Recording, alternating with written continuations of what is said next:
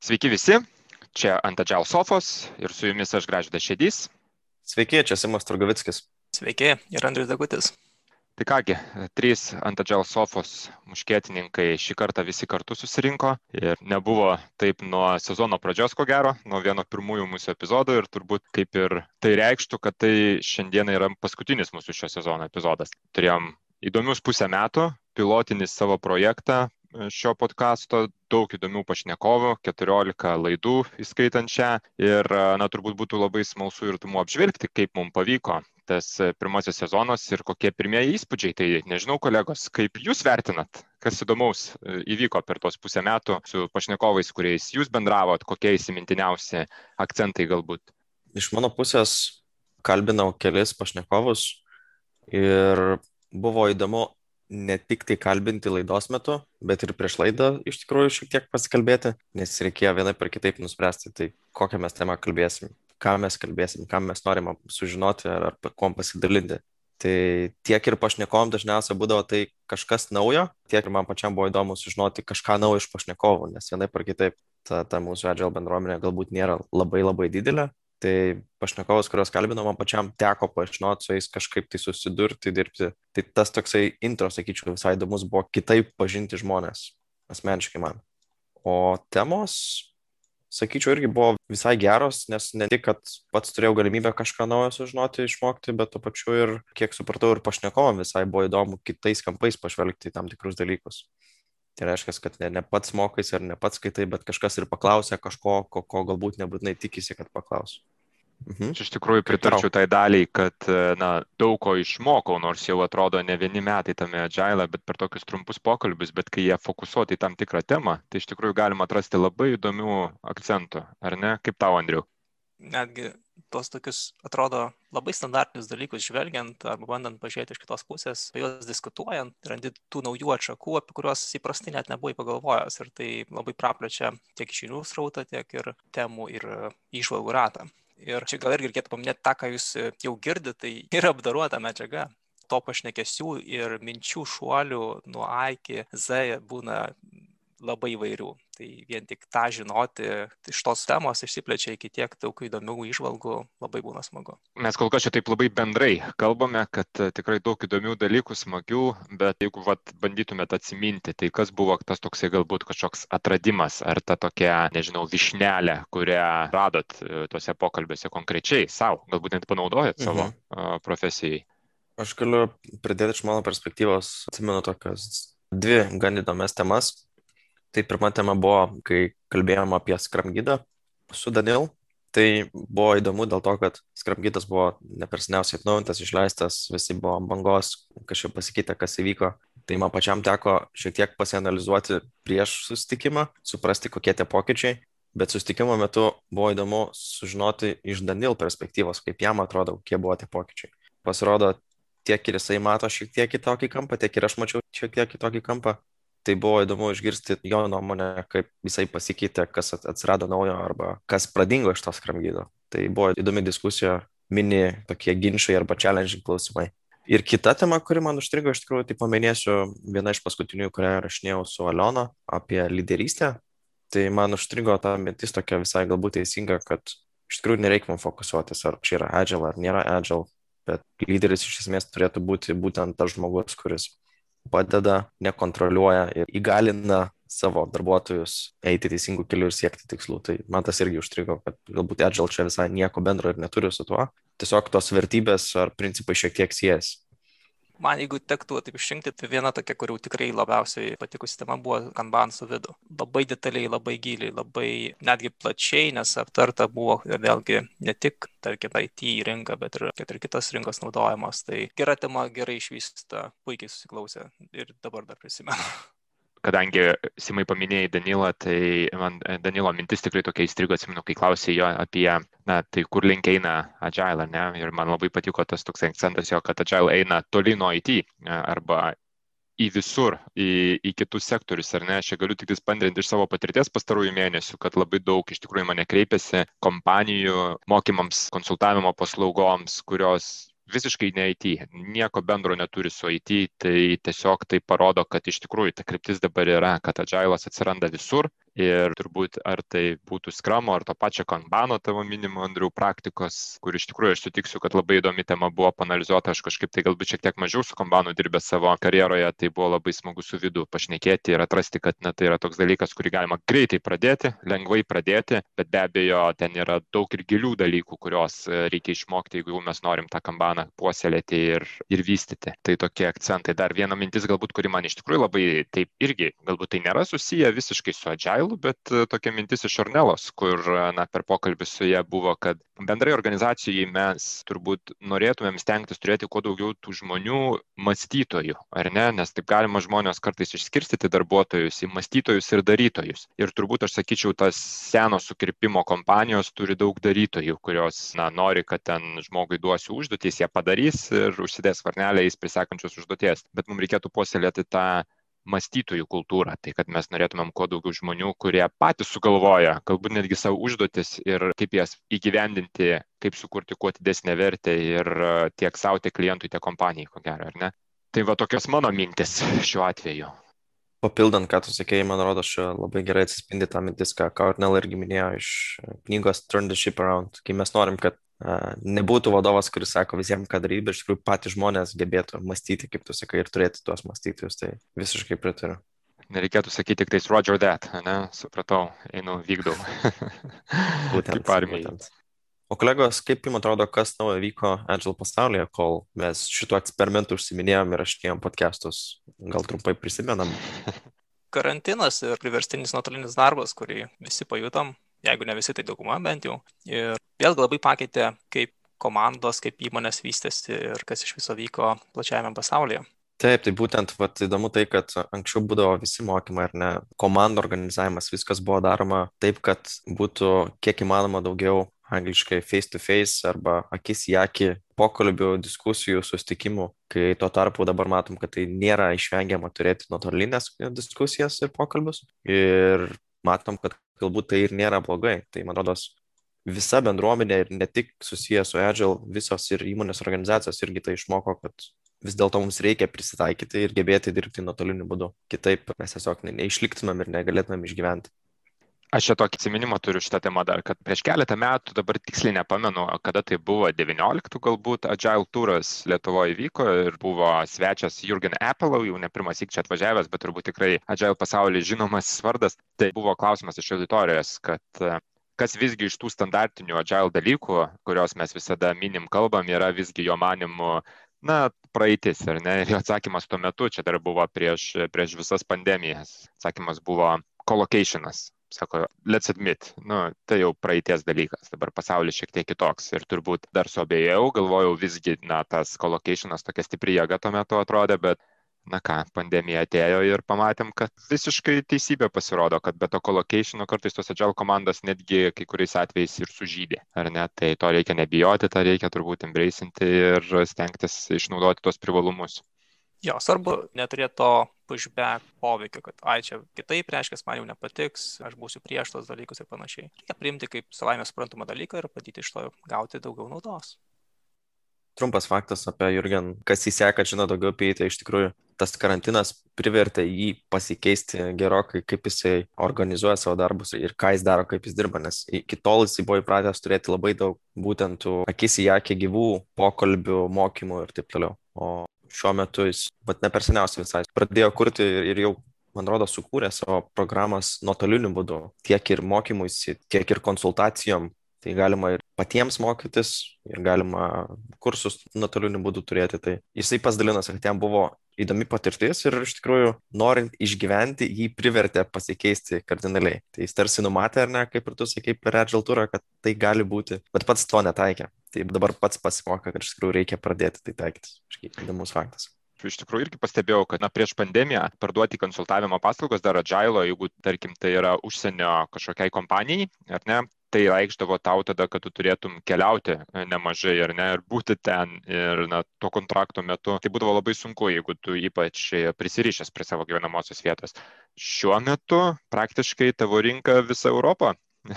Galima turbūt stengtis save parduoti bet kam, nes tas nuotolinės konsultacijos tapo tokių įprastų dalykų, kad niekas turbūt net nebesitikė, kad tu čia labai daug gyvai atvažiuosi, ar ne? Nu, tai čia toksai lyrinis nukrypimas apie mūsų pačių karjeras ir, ir galimybės, ar ne? Bet Gerai. Su renginiais. Netgi renginiai kviečia, žinai, tuos, kurie galvodavai taip, man reikėtų, žinai, važiuoti kitą šalį, rūpintis ten gal nakvynę dar kažko, tai dabar tie renginiai, kai tapo nuotoliniai, yra ir kur kas paprasčiau sudalyvauti, netgi būti kaip pranešėjai. Tikrai taip. Žymiai daugiau galima tikrai sudalyvauti renginių tokių, kurie atrodė toli. Tai dabar jie visi čia arti. Tai galimybių daug. Žiūrint toliau, kokie dar įdomus buvo pokyčiai, kas vyko. Pavyzdžiui, kalbėjom, kad tas pats Scrum gydas atsinaujino ar ne, su Danielu turėjom podcastą. Buvo minėjęs savo paskirose, kad ir Kanban gydai išėjo du nauji, ar ne? Vienas iš Pro Kanban bendruomenės, kitas iš Kanban University. Kaip jūs kolegos, ar teko susipažinti, pasižiūrėti? Man teko susipažinti su Pro Kanban, dėja Kanban University sužinojau dabar iš tavęs, tai irgi pasidomėsiu.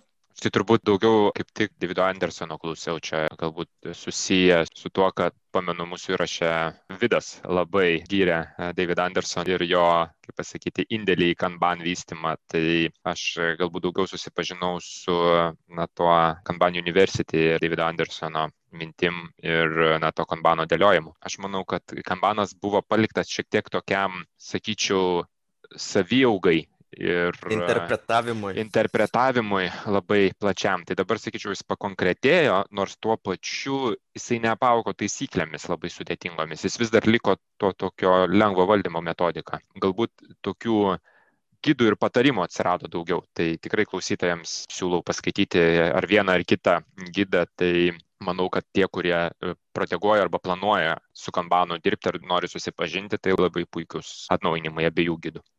Ir tuo pačiu, jeigu smalsu pasitikrinti savo žinias, kaip gerai suprantat, kas yra Kanban, kas yra tas Kanban metodas, Pro Kanban turi atvirą įsivertinimą. Tai gali tiesiog 30 minučių skirti laiko ir 30 klausimų, pažiūrėti, kaip teisingai jūs suprantat pagal Pro Kanban versiją. Tai tiesiog įdomumo dėlį galite ir jūs kolegos pamėginti, jeigu dar nepabandėt. Visai įdomu pasižiūrėti, kokie klausimai ir ar mes suprantam, kas tai yra ar ne.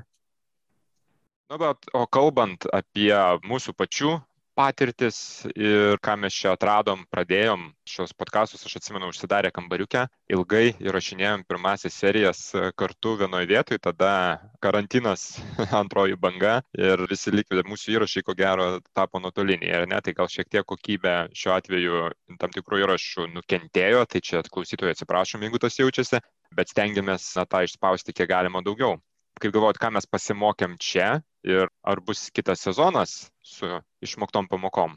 Taip, aš tai manau, kad tai mus irgi šiek tiek privertė pakeisti požiūrį, kaip mes tos podcastus darom. Ir jeigu atvirai, tai anksčiau atrodydavo, kad tiesiog susitikus galima kalbėti ir lengvai suprasti tą temą, kurią norim paliesti, ką norim į ją įsigilinti. Tai šiuo atveju tas nuotolinis įrašymas privertė šiek tiek daugiau ir kitaip, sakyčiau, pasiruošti. Tai galbūt nėra blogai, aš manau, kad tą patį bus galima taikyti ir susitikus gyvai. Tas iš ankstinis pasiruošimas, manau, naudingas tiek ir mums patiems, tiek ir pašnekovai mūsų, tiek ir klausytojai palaikyti tą natūralesnę dinamiką pokalbio eigoje. Tai, Bet vėlgi tokia... prisiminus pirmuosius, tai mūsų pirmieji garso kokybė buvo geresnė, nes buvome vienam kambarį, pasiruošę to kambario atmosferą, bet tikrai buvo ir jaudulio, buvo ir neramumo, buvo daug tų kitų dalykų, kuriuos manau, kad visi išaugom. Vėlgi pripratom prie to, ką reiškia daryti podcastus, į ką akcentuotis ir panašius kitus dalykus. Tai vienoje vietoje gal šiek tiek ir praradom, kitose vietose mes užaugom. Visiškai pritariu, Andriui. Ir tikiuosi, kad toliau auksim, nes, na, kol kas žadam klausytojams ir sekantį sezoną. Taip? Yra planų. Vėlgi, nebūtų tų planų, jeigu nebūtų klausytojų tai iš to, ką mes galvojom pradžioje, neleiskit man sumeluoti, man atrodo, mes tikėjomės, kad kas būtų tas MVP, kas mūsų būtų toks, kad mes jaučiam, kad taip, tai, ką mes darom, mums tai smagu ir mes tą pasiekėm savo tikslą, tai man atrodo, mes šnekėjom apie gal 10-20 klausytojų, tai būtų e, visai įdomu, visai smagu ir visai gerai, kaip pradžiai. Tai šiuo metu pažiūrėjom, kad mūsų bendruomenė yra išaugusi iki 350. Ir toliau auga. Tai, taip, tai ta klausytojų, bent jau, bent jau sekėjų bendruomenė tikrai išaugo ir tikimės, kad e, turbūt galėsim ją auginti ir toliau. Na ką, dabar galime turbūt tam tikrų minčių ar teaserių kitam sezonui, kaip mes planuojam, ar darysim tą patį, ar e, laukia kažkokie pokyčiai. Kokios jūsų mintis, kolegos? Pirma tokia mintis idėja, ir iš tikrųjų girdėjau ir feedbacko iš klausytojų, kad galbūt visai įdomu būtų įtraukti vaizdą į mūsų podcastus, tai padaryti ne vien audio podcastus, bet ir video podcastus. Nes iš tikrųjų ir patys turbūt pastebėjote, ar ne, kad klausytojų ratas YouTube platformoje išaugo ir galbūt net, net viršė kitas platformas, tai manau, kad daugelis ir tikisi vaizdo podcastų, o ne vien tik audio podcastų, kas šiuo metu iš tikrųjų gan populiaru. Tai manau, visai mėginsim apsvarsyti šitą idėją. Nežinau, kaip bus su įgyvendinimu, ypač jeigu tai bus nebe virtualus susitikimas ar ne, o, o gyvai reikės susitikti, bet manau, bus visai įdomu pasižiūrėti, kokios yra galimybės šitoje vietoje. Eksperimentą pažadam, turbūt taip. Bent vieną tikrai. Sakyti. Vieną tikrai. Žiūrėsim, išmoksim, veikia, neveikia, būsime džiau šitoje vietoje, ar ne? Aš manau, kad kur link dar mūsų akcentas kitą sezoną keisis, trumpai su jumis apie tai kalbėjom, tai kad šį sezoną mes labai fokusavomės, galbūt tai susijęs su tuo, kad bandėme traukti tuos pašnekovus iš Agile bendruomenės, artimosios, su kuriais, na, teko susidurti, bendrauti, arba, na, dažnai jos matai, tai dažniausiai buvo įvairiausi Agile praktikai, coachai, skramasteriai ir, na, panašus žmonės, kurie dirbė arba puoselėje šitą Lietuvoje, ar ne. Tai aš manau, kad kitą sezoną mes tikrai norėtume įtraukti kuo daugiau, na, tiesiog galbūt kažkokiu tai vadovu vadovų ar įmonių atstovų, kurie bandė agile ar šiuo metu vis dar bando, dėgia, pradeda arba jau kurį laiką gyvena ir na, galėtų pasidalinti savo patirtimi, kokią naudą jiem atnešė, ką sukūrė šitą metodiką, ne tik na, kaip jau ekspertai, coachai, bet tiesiog kaip tam tikros įmonės ar industrijos atstovai. Būtų manau, kad tikrai įdomu šitą kampą panalizuoti sekančiam sezone. Taip tariant, nusileisti norėtumėm labiau ant žemės, iš, iš padebesų, kalbant su, su ekspertais, ar ne, kurie turi daug patirties ir galbūt gerai supranta iki labai konkrečių situacijų ir kur ta nauda yra, ką mes patys matom ir kur jos galbūt nėra. Tai irgi tikrai pasistengsim pakviesti įvairesnių žmonių. Na ir dar vienas dalykas, kurį bandome, gvildename kaip idėją, tai yra savo asmeninis puslapis. Tai vėlgi puslapis, kuriame galėtumėm talpinti tiek kažkokią tai informaciją, gal savo straipsnius, kuriuos parašysim. Nežinom, ar pavyks, nepavyks, bet idėja yra. Aš manau, kad nors mes čia šiandieną ir atsisveikinsim vasaros atostogom, bet visą vasarą tikrai nebus štilius, kaip minėjai, kažkokius tai straipsnius, tai toliau sėkite mūsų LinkedIn platformą. Aš manau, kad tam tikrų naujienų, straipsnių, išvalgų iš mūsų tikrai sulauksite. Galbūt dėsim trumpą pauzę, persvarstysim būtent įrašams, podcastams ir ne, bet bendrai, na, mūsų agile puoselėjimas nenutrūks čia su lyg vasara, mm. ko gero, ar ne? Ir šiaip vėlgi mes kuriam savo planus, bet jeigu turit kokių pasiūlymų, susisiekite tais pačiais visais e, būdais kaip ir anksčiau, rašykite elektroniniu paštu, rašykite komentarus, tiesiog įsisiekite per LinkedIn ir jeigu turit karių idėjų, e, pasiūlymų, drąsiai kreipkitės. Tikrai taip, ko lauktumėte kitą sezoną, ko tikėtumėtės, tikrai lauksim komentarų, kad žinotumėm, kam ruoštis, galbūt kam išnaudoti visą ateinančią vasarą. O, o ką mes galim pažadėti, kad kas pasiliks taip pačiai, kaip dabar yra? Turit kokių minčių? Vedėjai. Aš manau, taip, stengsimės neišsiskirstyti, bet manau, kad vienas iš tokių dalykų, kad stengsimės palaikyti tos pokalbius kuo mažiau formalius. Tarsi ant agile sofos su kavos puduku, tokį stilių norim palaikyti, tokį stilių stengsimės palaikyti ir su busimais pašnekovais, manau. Galiu pažadėti, kad jeigu pradėsim rašinėti vėl gyvai, nenotoliniu būdu, tai tikrai atnešim po kavos padelį pašnekovam savo. Tai čia garantuotai. Čia jau rimtas pažadas, Simai, bet bandysim. Gerai, gerai, kad šokolado nepažadėjai dar. Tai... dar ne per vėlų. Aš manau, kad ką dar išlaikysim, tai ritmą, man atrodo, ritmas mūsų ir buvo ir yra labai neblogas, kur turėjom laiko truputį vėlgi save paspausti ir palaikyti ant to, kad na, mums reikia rašyti, nes norime kas dvi savaitės kažką naujo pateikti klausytojams, bet tuo pačiu ir klausytojams tai nebuvo vėlgi per daug kad nespėtų paklausyti arba per mažai, kad netgi spėtų pamiršti mūsų podcastus. Tai dviejų savaičių ritmas man asmeniškai atrodo neblogai, girdėjau ir iš kitų klausytojų, kad tai buvo tikrai puikus pasirinkimas.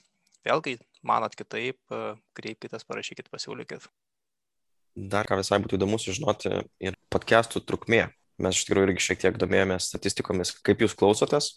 Ir kartais panašu, kad podcastai galbūt yra šiek tiek per ilgi, bet galbūt mums tik taip atrodo. Tai jeigu iš tikrųjų galėtumėt, būtų įdomu sužinoti jūsų nuomonę. Ar mūsų podcastai ne per ilgi ir neatsibosta, ar kaip tik galbūt norėtųsi dar ilgesnių. Tai būtų labai geras jūsų grįžtamasis ryšys mums ruoštis toliau. Šnekant apie grįžtamą ryšį, man būtų labai įdomu sužinoti, išgirsti, kokiu momentu jūs dažniausiai klausotės mūsų podcastų. Tai yra, vėlgi, gal kelyje, gal per kavos pertraukėlę, gal vakarais nežinau, jau lovai. Paskaičius knygą dar įsijungiant podcastas. Smalsu, kodėlgi ne? Tai tam grįžtamąjų ryšių surinkti, aš manau, kad mes paleisim ir trumpą apklausą, kurią galėsit visi užpildyti ir galbūt tai pavyks taip struktūruotai pateikti visus tos dalykus, kurių jūsų prašom. Tai e, siekite neužilgo mūsų LinkedIn puslapį, sulauksit mūsų prašymo tiesiog tam grįžtamojo ryšio ir įvertinimui. Man asmeniškai šiaip įdomu išgirsti iš jūsų kaip kolegų įrašinėjimo, kas manot e, buvo sudėtingiausia mūsų šiam keliui pirmojo sezono. Gal pradžia buvo tokia, kad e, kai su visa idėja pradėjom, atrodė, kad oi, čia turim pašnekovų pilną ir galim važiuoti, temų irgi yra pilna, bandysim įrašinėti.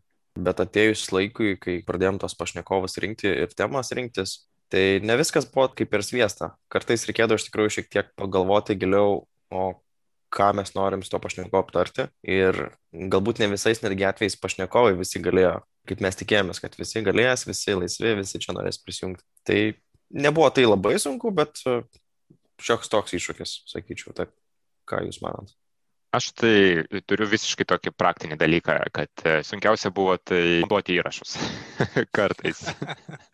Tikrai čia galbūt tas, kas nesimato klausytojams, toks backendas ar ne, nes kartais tekdavo praleisti valandų valandas, nes prisidėjo prie to ir tas nuotolinis įrašymas, kur kartais ir kokybę tekdavo koreguoti ir viską. Tas buvo, na, tiesiog pareikaladavo daug laiko ir jėgų.